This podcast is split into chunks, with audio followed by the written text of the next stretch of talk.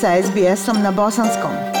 Pronađite još sjajnih priča na sbs.com.au kosacrta bosnijan. Aisha, pozdrav tebi i slušateljima SBS radija. Tokom protekle sedmice Aisha zasjedjela je Narodna skupština Republike Srpske i ono što je sporno jeste da je na e, svojoj e, višednevnoj sjednici Narodna skupština manjeg bosansko-hercegovačkog entiteta usvojila nacrt zakona o formiranju Visokog sudskog i tužiteljskog vijeća Republike Srpske te e, zakon o imovini Republike Srpske. Odmah nakon tog usvajanja uslijedile su brojne e, negativne reakcije, naravno iz e, Sarajeva, iz Federacije Bosne i Hercegovine, ali moram reći da je tokom samog zasjedanja Narodne skupštine Republike Srpske u Sarajevu e, Visoko sudsko i tužiteljsko vijeće Bosne i Hercegovine imalo redovnu sjednicu i tom prilikom predsjednik Visokog sudskog i tužiteljskog vijeća Bosne i Hercegovine Halil Lagumđija obratio se novinarima i na neki način upozorio na opasne namjere vlasti u Republici Srpskoj. Dakle, Halila Gumđija se obratio novinarima e, dan prije nego što je Narodna skupština Republike Srpske usvojila nacrt zakona o formiranju Visokog sudskog i tužiteljskog vijeća Republike Srpske. Šta o tome e, kaže Halila Gumđija, poslušajte u narednim e, minutama činjeni su da bi moglo doći do usvajanja tog zakona, da bi se on pred Ustavnim sudom mogao naći tek nakon stupanja na pravnu snagu, ja sam iznio svoj stav da bi ako dođe do usvajanja tog zakona, da bi visoki predstavnik trebao iskoristiti svoje ovlaštenja i donijeti odluku kojom se stavlja van pravne snage. Dakle, ne suspenduje pa da se nekad privremeno može e, ponovo aktivirati, nego da se stavi van pravne snage, dakle, kao da nije ni donijet. Pravna priroda zaključaka, ona ne omogućava podnošenje apelacije Ustavnom sudu koji bi mogao eventualno to ocijeniti. Postoji jedna mogućnost, to se otprilike zove zahtjev za rješavanje ustavno-pravnog spora. A iša, kako sam već rekla, brojne su negativne reakcije na usvajanje oba zakona. E, ono što je bitno da su reagovali i brojni domaći zvaničnici, e, zatim lideri stranaka i tako dalje i također su u svojoj reakciji tražili odluke, nove odluke, reakcije visokog predstavnika Međunarodne zajednice u Bosni i Hercegovini Kristijana Šmita. Također je e, rečeno da je očito Narodna skupština usvojila nešto što se zove antiustavno djelovanje i na taj način izaziva eh, dalje tenzije u Bosni i Hercegovini. E, ovoga puta neću navoditi Aisha reakcije brojnih domaćih političara, prije svega iz Sarajeva, ali ću e, da prenesem reakcije međunarodnih zvaničnika. Dakle, nakon što je Narodna skupština Republike Srpske usvojila oba ova zakona, oglasilo se i Vijeće za implementaciju mira u Bosni i Hercegovini. U saopćenju se, između ostalog ističe, citiraću, nedavni potezi entitetskih vlasti Republike Srpske da uvedu zakon o uspostavljanju paralelnog visokog sudskog i tužiteljskog vijeća, jasan su pokušaj entiteta da jednostrano preuzme ustavne odgovornosti države, što bi predstavljalo kršenje ustava i pravnog poredka Bosne i Hercegovine. U saopćenju se, e, između ostalog, ističe da je uspostavljanje jedinstvenog visokog sudskog i tužiteljskog vijeća na državnom nivou 2004. godine bila ključna reforma u modernizaciji pravosuđa Bosne i Hercegovine, koje je bilo u skladu sa evropskim i međunarodnim standardima. Ambasadori Upravnog odbora Vijeća za implementaciju mira još jednom su pozvali Republiku Srpsku da odustane od ovih neustavnih poteza koji povećavaju prostor za korupciju i umjesto toga se fokusira na poboljšanje postojećih institucija na konstruktivan način. Ističe se e, između ostalog u saopćenju iz Vijeća za implementaciju mira u Bosni i Hercegovini. Reagovao je i glasnogovornik Evropske unije Peter Stano. U saopćenju se između ostalog ističe Evropska unija poziva lidere u Bosni i Hercegovini, a posebno rukovodstvo Republike Srpske da zaustave daljnju eskalaciju i umjesto toga osiguraju nastavak ozbiljnog dijaloga o svim neriješenim pitanjima unutar institucija na državnom nivou. E, još jednim saopćenjem oglasila se i ambasada Sjedinjenih američkih država u Bosni i Hercegovini i evo iz tog saopćenja ističem e, formiranje novog visokog sudskog i tužiteljskog vijeća u entitetu Republika Srpska omogućit će prosperitet kriminalcima i cvjetanje korupcije. Stvorit će neustavno tijelo koje će ugroziti temeljna zakonska prava svih građana Bosne i Hercegovine, posebno oni koji žive u Republici Srpskoj.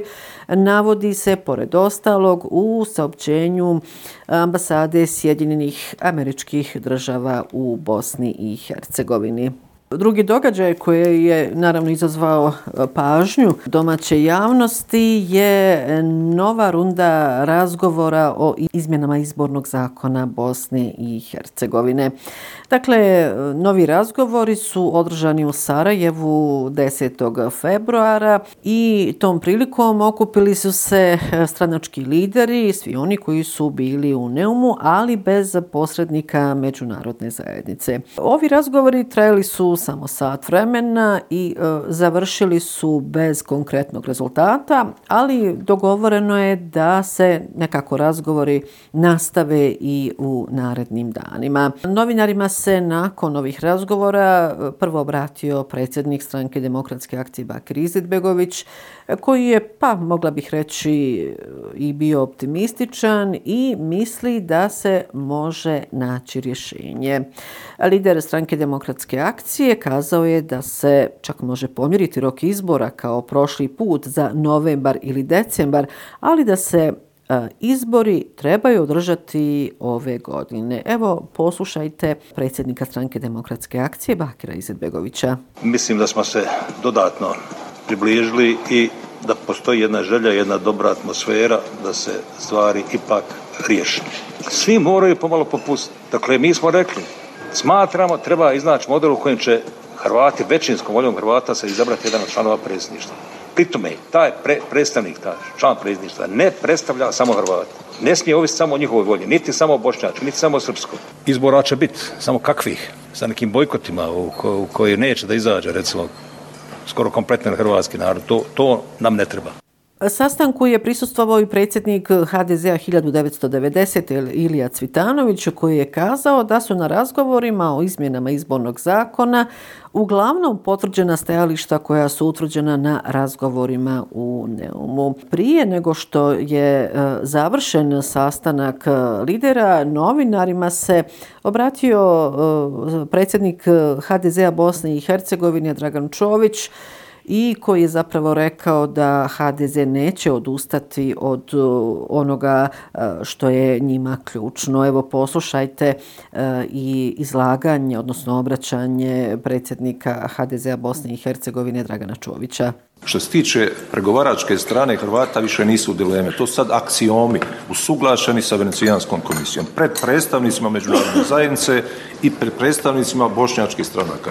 Četiri ili pet bošnjačkih stranaka koji su sad sjedili dole zajedno s nama. I to su stvari oko koje se više ne razgovara ali puno drugih stvari mi tek trebamo sad razgovarati. Novinarima se također obratio i predsjednik Saveza za bolju budućnost, Fahrudin Radončić, koji istakao da insistira na tome da rješenja nisu moguća bez veoma, kako kaže, veoma snažne međunarodne medijacije, odnosno posredovanja međunarodne zajednice. A lider Naroda i pravde, Elmedin Konaković, kazao je da nakon ovih pregovora o izmjenama izbornog zakona epilog nije potpuno negativan, ali da je i dalje prisutan status quo. Evo poslušajte eh, dio iz obraćanja novinarima Elmedina Konakovića, predsjednika Naroda i pravde. Čini mi se da još nekog malog prostora, vremenski govoreći, ima u narednih 7, 8, 9, 10 dana koji bi teoretski mogli rezultirati ako bude nekog dogovora onda svim onim famoznim procedurama koje se tiču izmjena ustava, komisijskog razmatranja, javne rasprave, da bi se do 2. maja kad je E, početkom maja, jel, e, plan raspisivanja izbora mogli održati izbori po novom izbornom zakonu. Aisha, domaći mediji su tokom protekle sedmice veliku pažnju posvetili i jednoj godišnjici, a riječ je o osmoj godišnjici velikih protesta u Bosni i Hercegovini.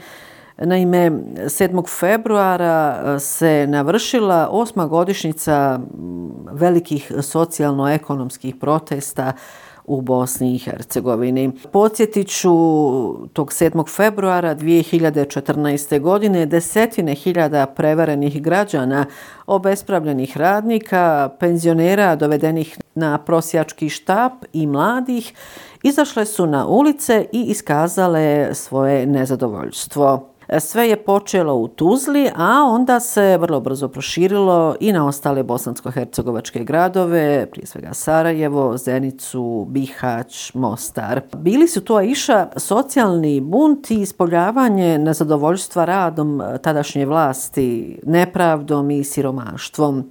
Bunt je potom prerastao u nerede u kojima su zapaljene zgrade kantonalnih vlada i dio zgrade predsjedništva Bosne i Hercegovine u Sarajevu. Demonstracije 7. februara 2014. godine su, kako mnogi su ovdje već rekli u analizama, historijske i nekako su najvažniji društveni događaj u post-Daytonskoj Bosni i Hercegovini. Podsjetit ću, građani su tada srušili vlade u četiri kantona u Federaciji Bosne i Hercegovine, dakle u kantonu Sarajevo, Unsko-Sanskom kantonu, Tuzlanskom kantonu i Zeničko-Dobojskom kantonu. Međutim, iša od tada, pa evo sve do danas, osam godina kasnije, ništa se nije promijenilo, iako su tada najavljivana bolja vremena, a svrgnuta tadašnja vlast e, je to i nagovještavala. Ali, kako već rekoh, od tada pa do danas e, ništa se nije promijenilo. Nažalost, e, živimo i dalje u bijedi, siromaštvu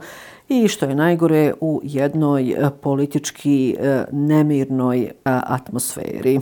Eto, toliko Aisha ovoga puta iz glavnog grada Bosne i Hercegovine. Još jednom vas iz Sarajeva pozdravlja Semra Duranović-Koso. SBS na Bosanskom. Podijelite naše priče preko Facebooka. Želite poslušati još ovakvih priča? Slušajte preko Apple podcasta, Google podcasta, Spotify ili kako god da primate svoje podcastove.